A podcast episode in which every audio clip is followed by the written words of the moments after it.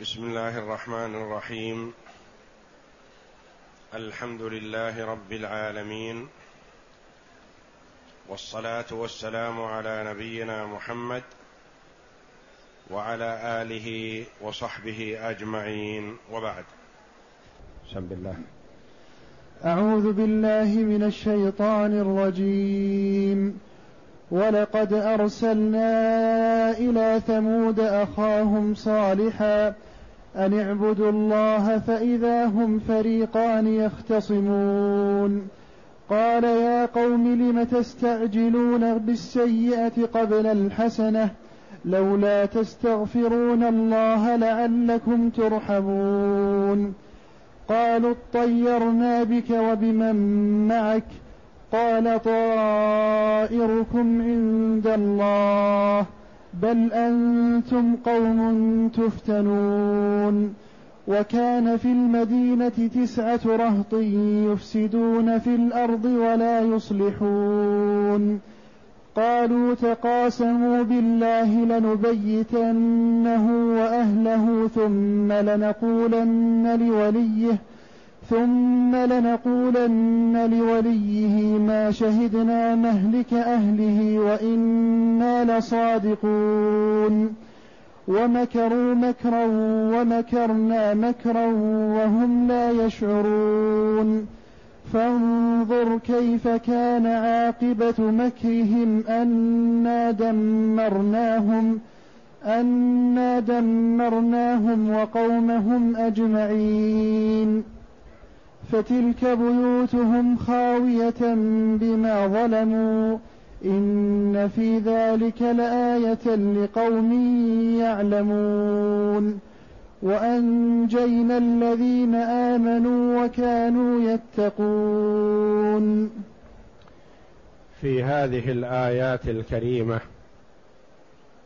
يقص الله جل وعلا على عبده ورسوله نبينا محمد صلى الله عليه وسلم وعلى امته قصه نبي الله صالح عليه الصلاه والسلام مع قومه ثمود وقد تقدم في سور القران ذكر شيء من قصص الانبياء ومنهم صالح عليهم الصلاه والسلام وتكرار القصص لحكم عظيمه يريدها الله جل وعلا اولا لاقامه الحجه على الظالمين ولتقويه ايمان المؤمنين لان الله جل وعلا ينصر اولياءه وان تكالبت قوى الشر ضدهم فالله جل وعلا ينصرهم ويؤيدهم وتكون العاقبه لهم وبيان ما حصل فقد يذكر في قصه ما لا يذكر في الايات في قصه اخرى فمجموعها يكتسب منه فوائد عظيمه قال الله جل وعلا ولقد ارسلنا الى ثمود اخاهم صالحا ان اعبدوا الله اللام هنا موطئة للقسم وقد للتحقيق أرسلنا ثمود أرسلنا إلى ثمود أخاهم صالح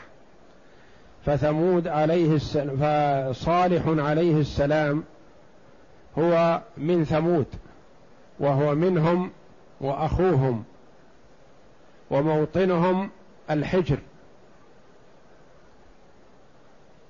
ورسالته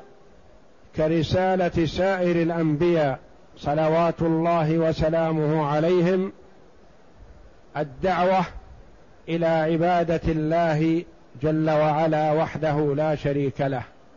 ونبذ عباده ما سواه ان اعبدوا الله فاذا هم فريقان يختصمون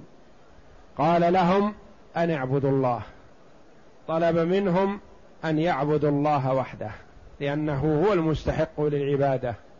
وغيره لا يصلح ان يكون الها لا يصلح ان يعبد لا يصلح ان يصرف له شيء من انواع العباده لان العباده حق الله جل وعلا وحده فاذا هم فريقان يختصمون بدعوته هذا افترقوا الى فريقين فريق مؤمن وفريق كافر وسنه الله جل وعلا في خلقه ان الحرب قائمه بين المؤمنين والكافرين من حين وجدوا الى ان يرث الله الارض ومن عليها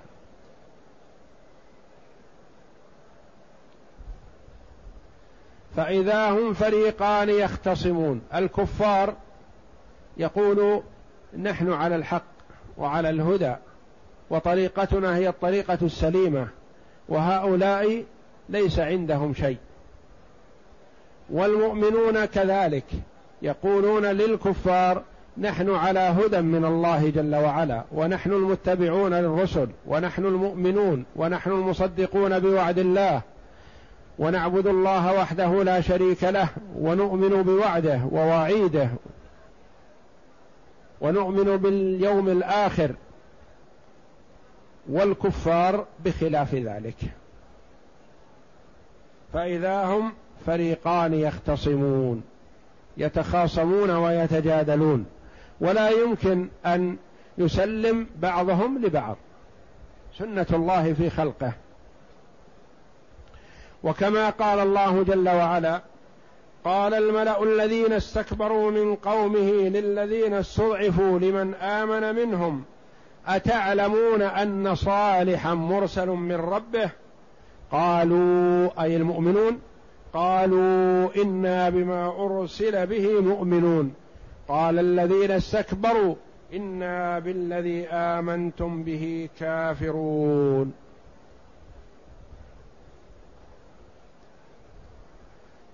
فهم في خصام فيما بينهم قال يا قوم يتلطف بهم عليه الصلاه والسلام يدعوهم قائلا يا قوم يا جماعتي يا اهلي يا قوم لم تستعجلون بالسيئه قبل الحسنه اقول لكم اتقوا الله وان لم تتقوه فيخشى ان ينزل عليكم العذاب فماذا قالوا قالوا ائتنا بعذاب الله ان كنت من الصادقين لما تسالون العذاب لما تطلبون تعجيله الا يليق بكم ان تسالوا الله الرحمه الا يليق بكم ان تسالوا الله المغفره الا يليق بكم ان تسالوا الله الهدايه ما الذي جعلكم تستعجلون العذاب السيئه العذاب قبل الحسنه الرحمه والفضل من الله جل وعلا لم تستعجلون السيئه قبل الحسنه لم تطلبونها لكن عمل بصيره يجعلهم كذلك كما قال كفار قريش اللهم ان كان هذا هو الحق من عندك فأمطر علينا حجارة من السماء أو ائتنا بعذاب أليم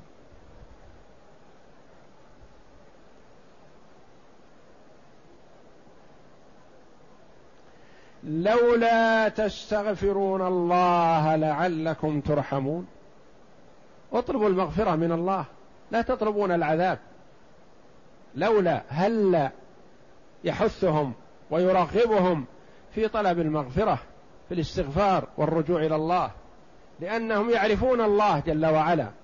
ويقسمون بالله كما سياتينا ويعرفون انه هو الخالق الرازق يصدقون بهذا لكنهم يعبدون معه غيره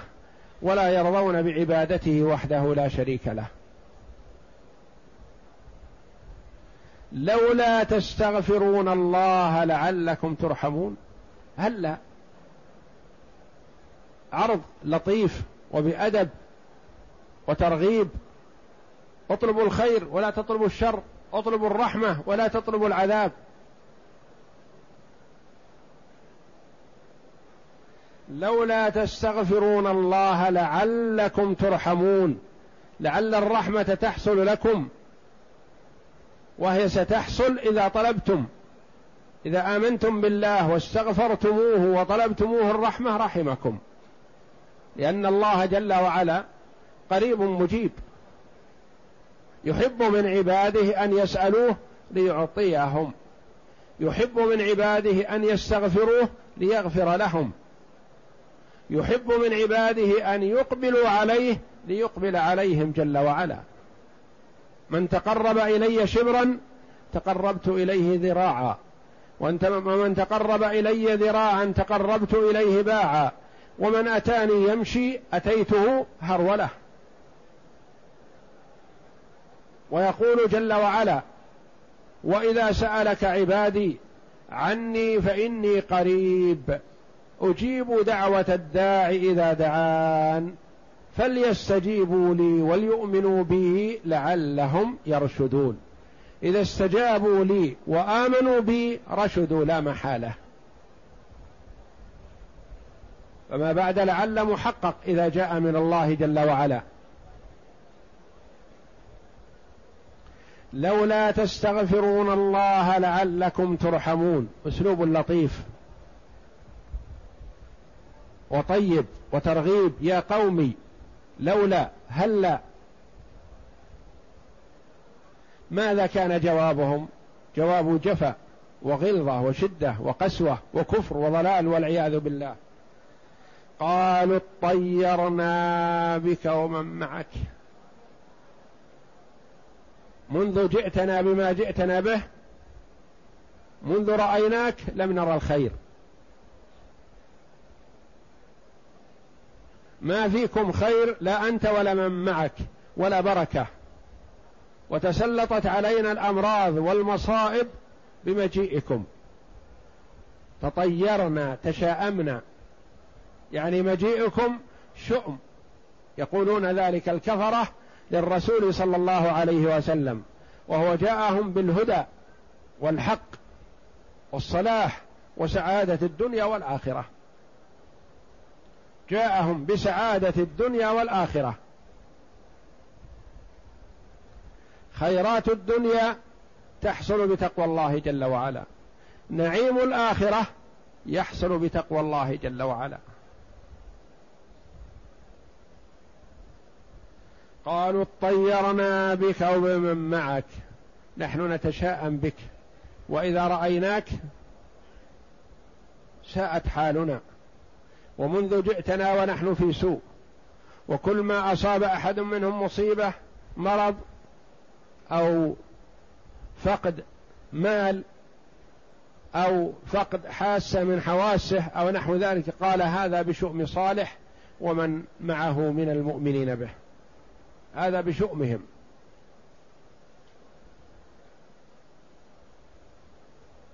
كما قال الله جل وعلا عن قوم فرعون انهم قالوا كانوا اذا جاءتهم الحسنه قالوا لنا هذه وان تصبهم سيئه يطيروا بموسى ومن معه هذه سنه الله في خلقه الكفره الظلمه يقولون جاءنا الشر والشقاء والمصائب بسبب المؤمنين والمؤمنون هم سبب كل خير ويدعون الى الخير ويرغبون فيه وهذه سنه الله في خلقه منذ ان وجد الخلق الى ان يرث الله الارض ومن عليها وكما يلصق الكفره والضلال في زماننا هذا جميع أنواع التخريب والاعتداءات و إلى آخره يلصقونها بالمسلمين يفعلها المسلمون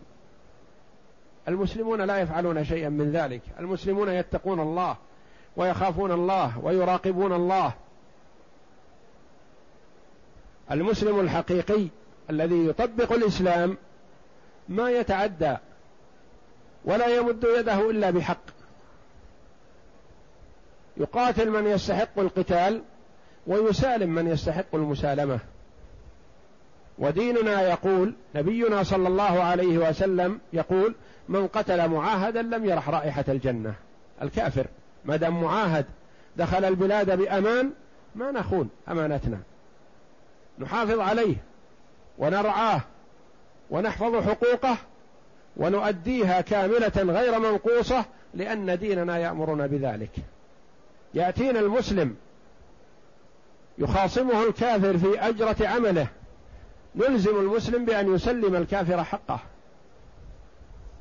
ونحبس المسلم من أجل أن يعطي الكافر حقه لا يظلمه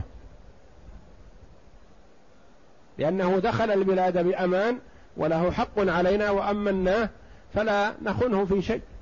هكذا الدين الإسلامي كله خير للمسلمين ولغيرهم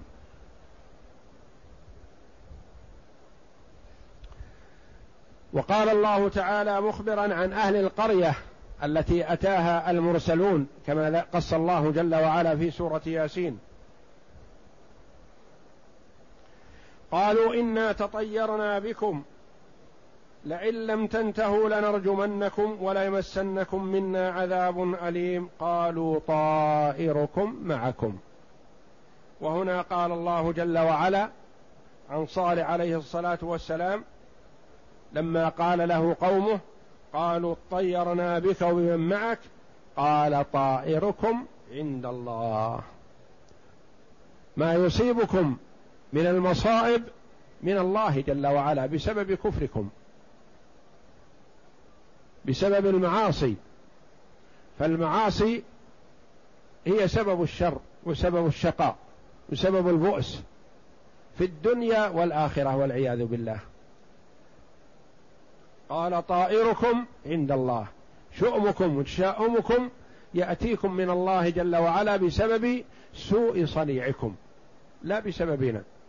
فنحن ندعوكم الى الخير ونرغبكم فيه ندعوكم الى طاعه الله ندعوكم الى البعد عن المعصيه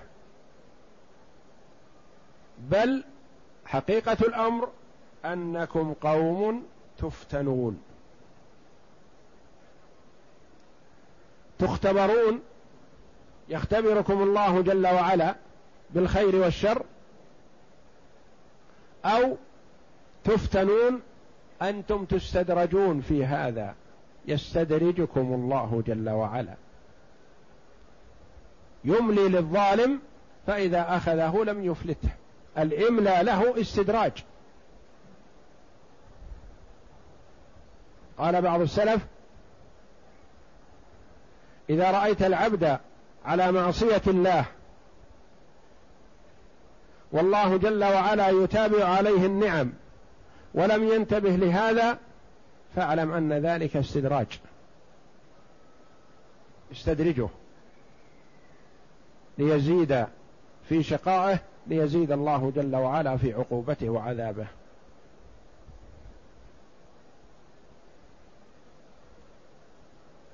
بل انتم قوم تفتنون تختبرون او تستدرجون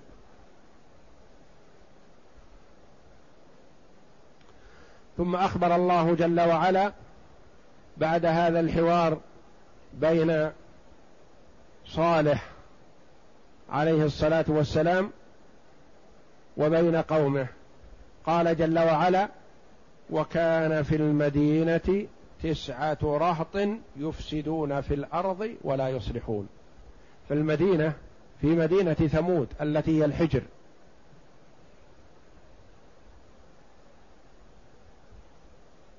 يفسدون في الارض ولا يصلحون تسعه نفر تولوا الزعامه والقياده الى كل شر واذا ساد الاشرار خربت البلاد والعياذ بالله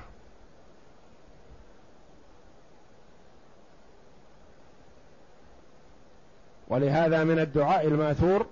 اللهم ول علينا خيارنا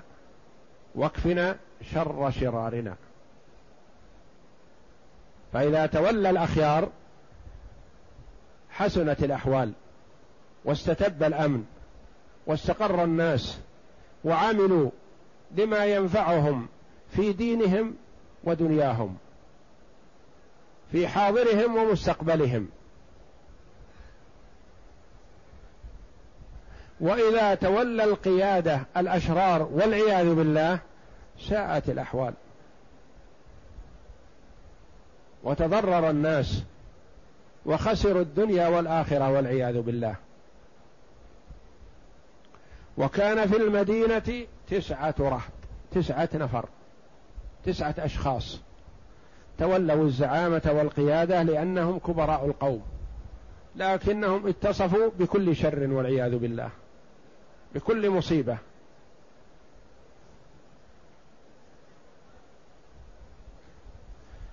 تسعة رهط يفسدون في الأرض ولا يصلحون ومن أعظم فسادهم ما اتفقوا عليه من قتل الناقة ناقة صالح التي أرسلها الله جل وعلا آية لصالح عينوا منها خير يوم يشربون لبنها وتشرب هي الماء فتعطيهم مقابل الماء لبن كلهم يرتوون به واليوم الثاني لا تشربوا ماء فيكون الماء لهم لهم اليوم ولها يوم واستفادوا منها فائدة كبيرة وطعموا ودلت دلالة واضحة على صدق نبي الله صالح عليه الصلاة والسلام فهي معجزه عظيمه وايه بينه واضحه ظاهره واستفادوا منها فائده كبيره ومع ذلك تواطا هؤلاء النفر التسعه على عقلها وقتلها واقدم اشقاهم قدار كما قال الله تعالى فنادوا صاحبهم فتعاطى فعقر وقال تعالى إذ انبعث أشقاها يعني أشقى القبيلة والعياذ بالله هو قاتل الناقة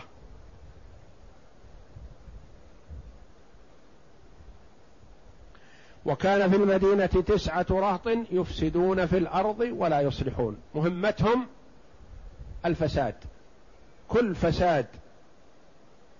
يمكن أن يصدر منهم فعلوه ما تحاشوا عن شيء وفساد الارض بالمعاصي والكفر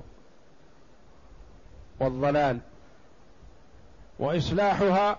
وعمارتها بالطاعه والتوحيد والاقبال على الله فسادهم كثير عقر الناقه والتواطؤ على قتل صالح ومن امن به وورد انهم كانوا يقرضون النقود الذهب والفضه بالمقاريض للافساد والله جل وعلا قال عنهم يفسدون في الارض ولا يصلحون يوجد من يكون في شيء من الفساد وفي شيء من الصلاح ولكن هؤلاء والعياذ بالله كان مهمتهم الافساد فقط والصلاح لا خير فيهم اطلاقا قالوا تقاسموا بالله لنبيتنه واهله ثم لنقولن لوليه ما شهدنا مهلك اهله وانا لصادقون قالوا تقاسموا بالله اقسم بعضهم ببعض بالله بأن من قدر منهم على قتل صالح ليلا أن يفعل ذلك أو تقاسموا بأن يجتمعوا في الليل ويقتلوا صالح ولا يخبروا بذلك أحدا فإن قام أولياؤه يسألون عنه نقسم هؤلاء التسعة يقولون نقسم بأننا لا نعلم عن الأمر شيئا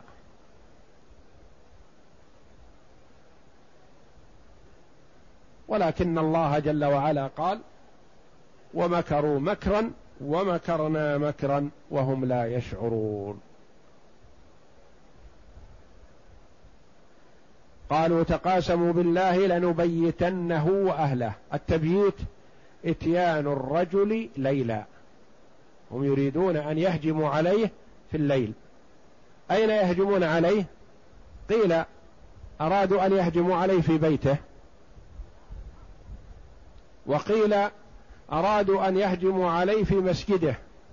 إذا خرج من بيته ليلا يريد المسجد يفتكوا به يقتلوه ثم يعودون إلى أهله في دارهم فيقضون عليهم لنبيتنه وأهله ثم لنقولن لوليه إذا سئلنا عن ذلك في الصباح نقول ما شهدنا شيئا من ذلك وما علمنا من قتله ننكر قالوا ما شهدنا مهلك اهله وانا لصادقون يريدون ان يحلفوا بانهم صادقون بانهم لا يدرون عن شيء من ذلك قال الله جل وعلا ومكروا مكرا ومكرنا مكرا وهم لا يشعرون فانظر كيف كان عاقبة مكرهم الله جل وعلا بالمرصاد لا تخفى عليه خافية يعلم خائلة الأعين وما تخفي الصدور هم إذا بيتوا أمر هل يخفى على الله لو أسروه لو كتموه لو تحالفوا على أن لا يخبروا به الله جل وعلا مطلع لا تخفى عليه خافية يعلم ما في القلب يعلم ما توسوس به النفس قبل أن تتحدث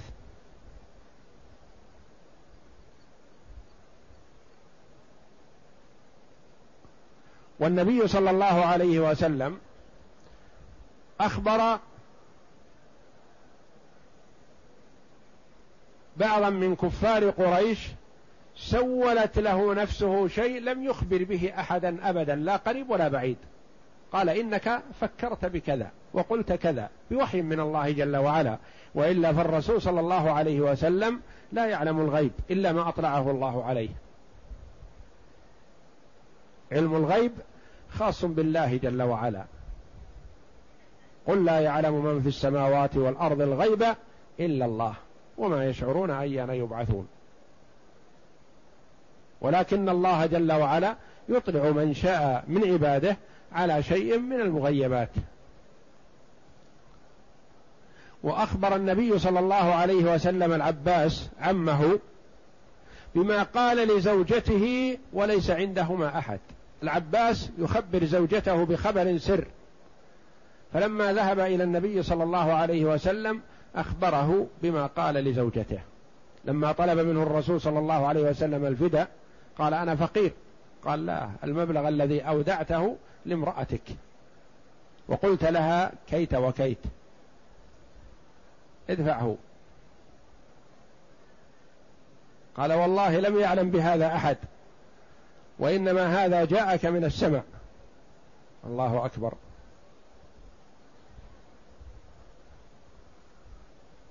ومكروا مكرا ومكرنا مكرا هم دبروا لقتل صالح عليه الصلاة والسلام ونحن دبرنا لقتلهم وقومهم جميعا هم قالوا في أنفسهم قالوا صالح لما أقدموا والعياذ بالله على قتل الناقة قالوا إن صالح توعدنا بثلاثة أيام لم لا نعاجله إن كان صادقا سيأتينا العذاب بعد ثلاثة أيام فنجعله أمامنا وإن كان كاذبا ليس هناك عذاب فيكون جزاء لكذبه نقتله ونقضي عليه يظنون أنهم يقدرون على ذلك والحقيقة أنهم لا يقدرون وهم لا يشعرون لا يدرون بمكر الله جل وعلا بهم الله جل وعلا يسوقهم الى ما في حتفهم يمشون مسرعين مسرعين يظنون انهم الى النجاه وهم يسرعون الى مكان القضاء عليهم بامر الله جل وعلا فانظر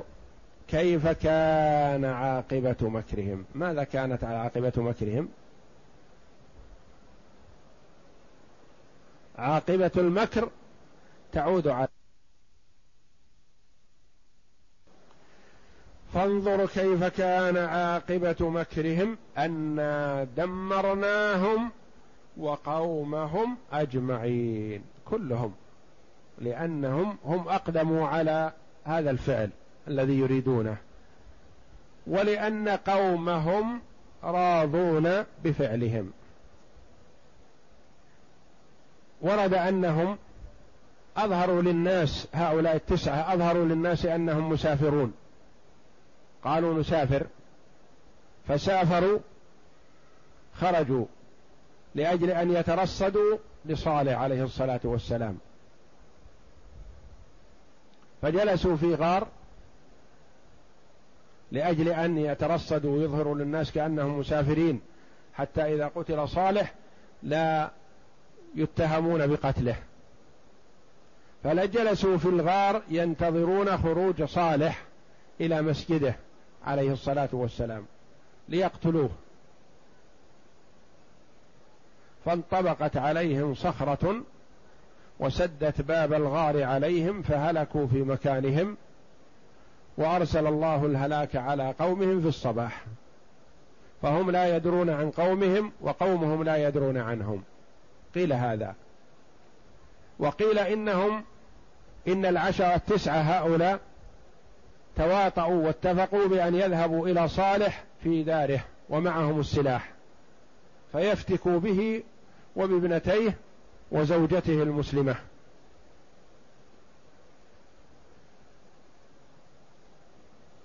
فارسل الله جل وعلا الملائكه لحراسه صالح ومع الملائكة الحجارة رمت هؤلاء العشرة فهلكوا في مك... التسعة فهلكوا في مكانهم وهم خرجوا من قومهم ومعهم السلاح يريدون القضاء على صالح فاستبطأهم قومهم فجاءوا يبحثون عنهم فوجدوهم صرعى قد قتلوا بالحجارة من الملائكة عليهم الصلاة والسلام فجاءوا إلى صالح وقالوا إنك قتلتهم فنريد أن نقتلك كما قتلت أصحابنا فجاء قوم صالح ذووه وقرابته وقالوا لا لن تفعلوا شيئا من ذلك ولن نقركم على قتله قالوا قتل جماعتنا قالوا انتظروا صالح توعدكم بالعذاب فان كان صادقا فلا تزيدوا في غضب الله عليكم وان كان كاذبا وفاتت المده فشانكم به نترككم واياه فانصرفوا وتركوهم فارسل الله جل وعلا العذاب على الكفار وانجى الله صالحا ومن معه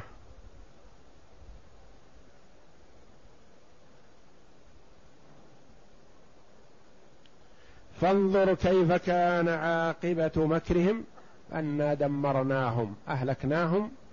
وقومهم أجمعين كلهم في لحظة الصيحة فتلك بيوتهم خاوية بما ظلموا فتلك انظر إلى بيوتهم خاوية فارغة ليس فيها أحد بماذا بما ظلموا بسبب ظلمهم الباء سببيه خاويه بما ظلموا ان في ذلك لايه لعبره لقوم يعلمون عندهم علم وبصيره ومعرفه وفي هذا نذار لكفار قريش بانكم ان تواطاتم على شيء من ذلك كما تواطأ أولئك القوم أصابكم ما أصابهم إن في ذلك لآية لقوم يعلمون عندهم علم وبصيرة ويشمل هذا المؤمن والكافر المؤمن يزداد إيمانه وثقة بالله جل وعلا وبوعده والكافر تقوم عليه الحجة إذا كان عاقل لكن عنده عقل يدرك بأن الله جل وعلا لن يضيع أولياءه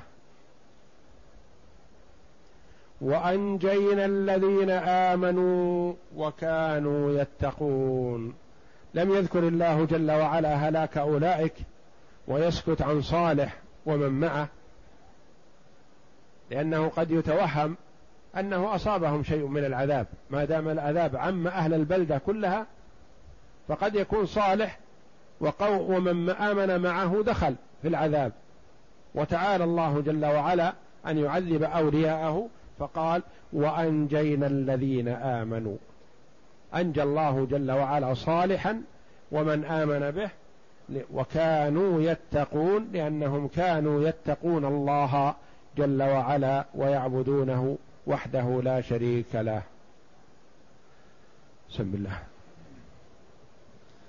أعوذ بالله من الشيطان الرجيم ولوطا إذ قال لقومه أتأتون الفاحشة وأنتم تبصرون أئنكم لتأتون الرجال شهوة من دون النساء بل أنتم قوم تجهلون فما كان جواب قومه إلا أن قالوا أخرجوا آل لوط من قريتكم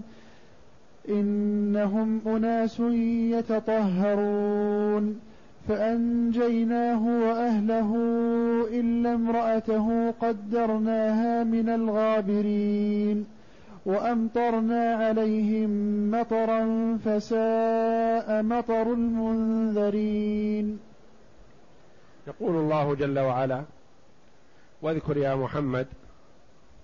لقومك لوطا إذ قال لقومه ولوطا إذ قال لقومه أتأتون الفاحشة وأنتم تبصرون في الآيات السابقة قال أتأتون الفاحشة ما سبقكم بها من أحد من العالمين وهذه فيها زيادة فائدة قال أتأتون الفاحشة وأنتم تبصرون والله جل وعلا سماها فاحشة لأنها كبيرة من كبائر الذنوب وعظيمة وهي إتيان الرجل الرجل والعياذ بالله يتقزز منها العقل والفكر والإدراك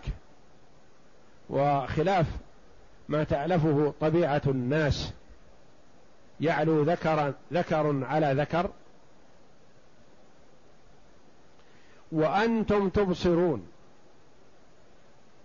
أتأتون الفاحشة وأنتم تبصرون يعني أنتم تبصرون تعرفون سوء عاقبة ذلك وانتم تعلمون ان ذلك محرم وانكم تعلمون ان ذلك يتقزز منه ويستكره هذا قول في معنى تبصرون وقيل في معنى تبصرون أن يعلو بعضهم بعضا والآخرون ينظرون والعياذ بالله الحيوانات تكره ذلك تختفي عند علو الذكر على الانثى وهؤلاء والعياذ بالله من سوء طبعهم يعلو الذكر على الذكر ومن حوله جلوس ياتونهم في نواديهم في مكان اجتماعاتهم يركب بعضهم بعضا والعياذ بالله في مرأى من الناس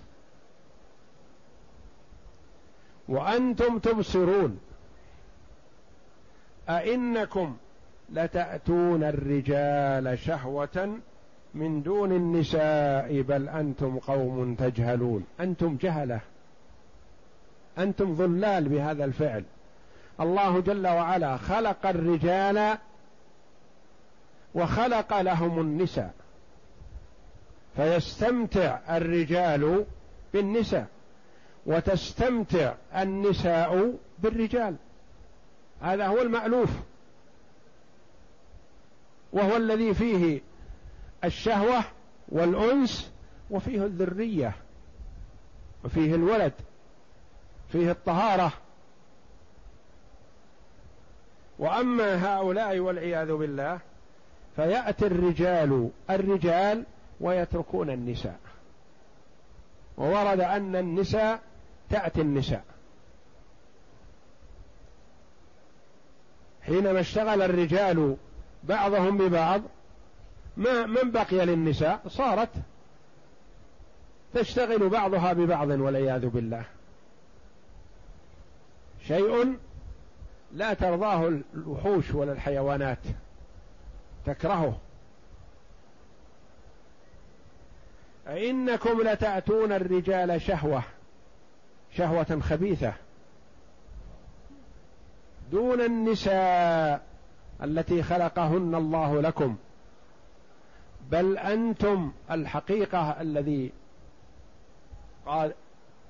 أنكم قوم جهلة الحقيقة أنكم قوم جهلة أنتم ضلال بهذا الفعل فانتبهوا لأنفسكم ارجعوا عن غيكم توبوا إلى ربكم انا رسول الله اليكم احذركم من هذا الفعل الشنيع والرسول صلى الله عليه وسلم قال من وجدتموه يعمل عمل قوم لوط فاقتلوا الفاعل والمفعول به اقتلوا الفاعل حتما والمفعول به اذا كان مختار راضي اما اذا كان مغصوب مجبر فلا يقتل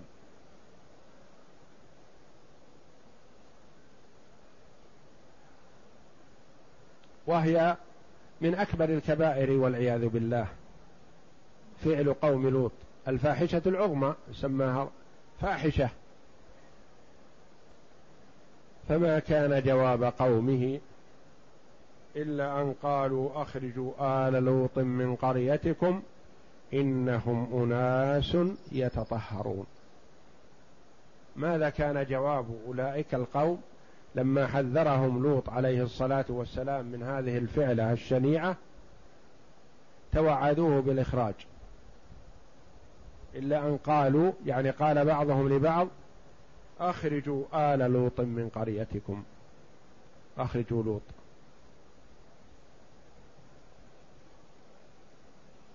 أخرجوا آل لوط من قريتكم أبعدوهم لما قال إنهم أناس يتطهرون يخرجونهم لأنهم يتطهرون من باب الاستهزاء والسخرية بهم قالوا هم يتطهرون عن هذا الفعل فنحن نخرجهم ونبعدهم عنا حتى لا يلوموننا ولا يسبوننا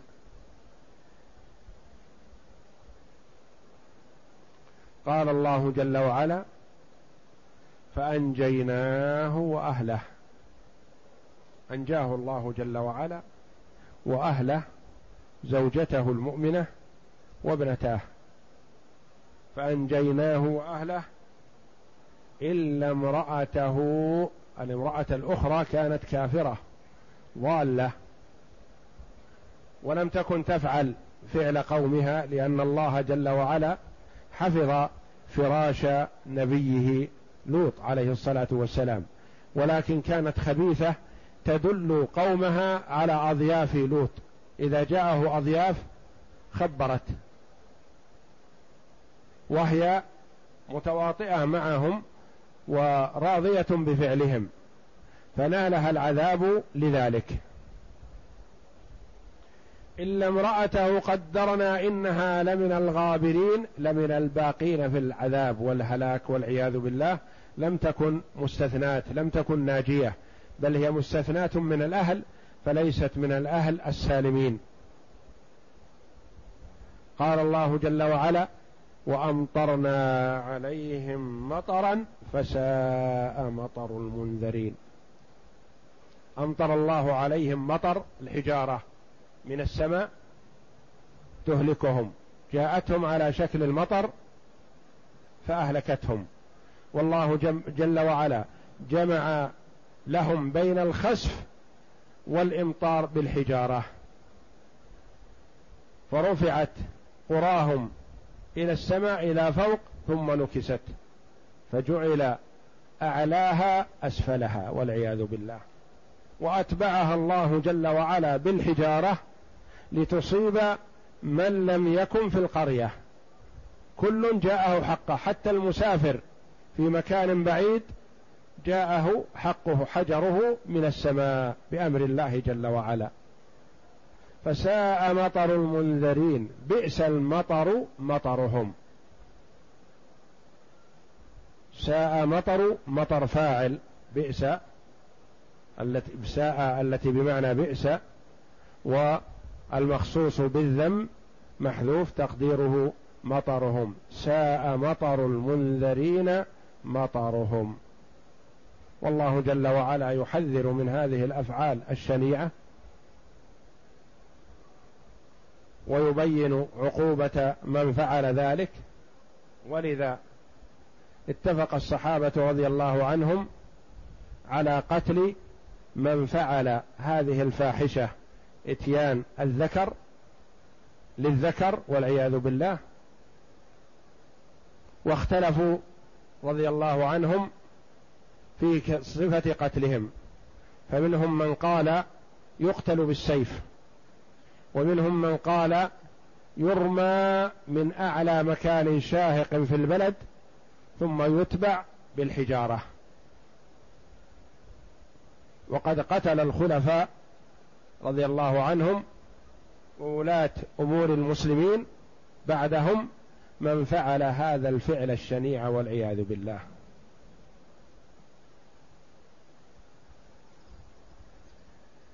وتنفيذ أحكام الله جل وعلا في عباده تطهير للبلاد وصلاح للعباد باذنه تعالى فهو جل وعلا هو العالم بمصالح عباده وهو العالم بما يصلحهم ويزيل عنهم الشر والاذى فشرع هذه الشرائع وهذه الاحكام لتطهير البلاد ولتزكيه العباد واستقامتهم والله اعلم وصلى الله وسلم وبارك على عبده ورسول نبينا محمد وعلى اله وصحبه اجمعين